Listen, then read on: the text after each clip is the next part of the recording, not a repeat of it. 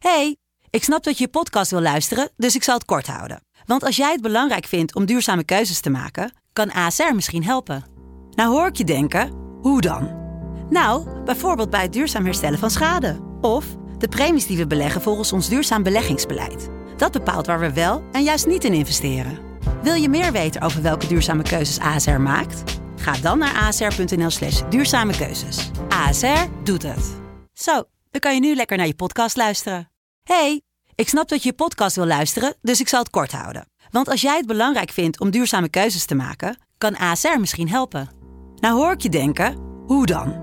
Nou, bijvoorbeeld bij het duurzaam herstellen van schade. Of de premies die we beleggen volgens ons duurzaam beleggingsbeleid. Dat bepaalt waar we wel en juist niet in investeren. Wil je meer weten over welke duurzame keuzes ASR maakt? Ga dan naar asr.nl slash duurzame keuzes. ASR doet het. Zo, dan kan je nu lekker naar je podcast luisteren.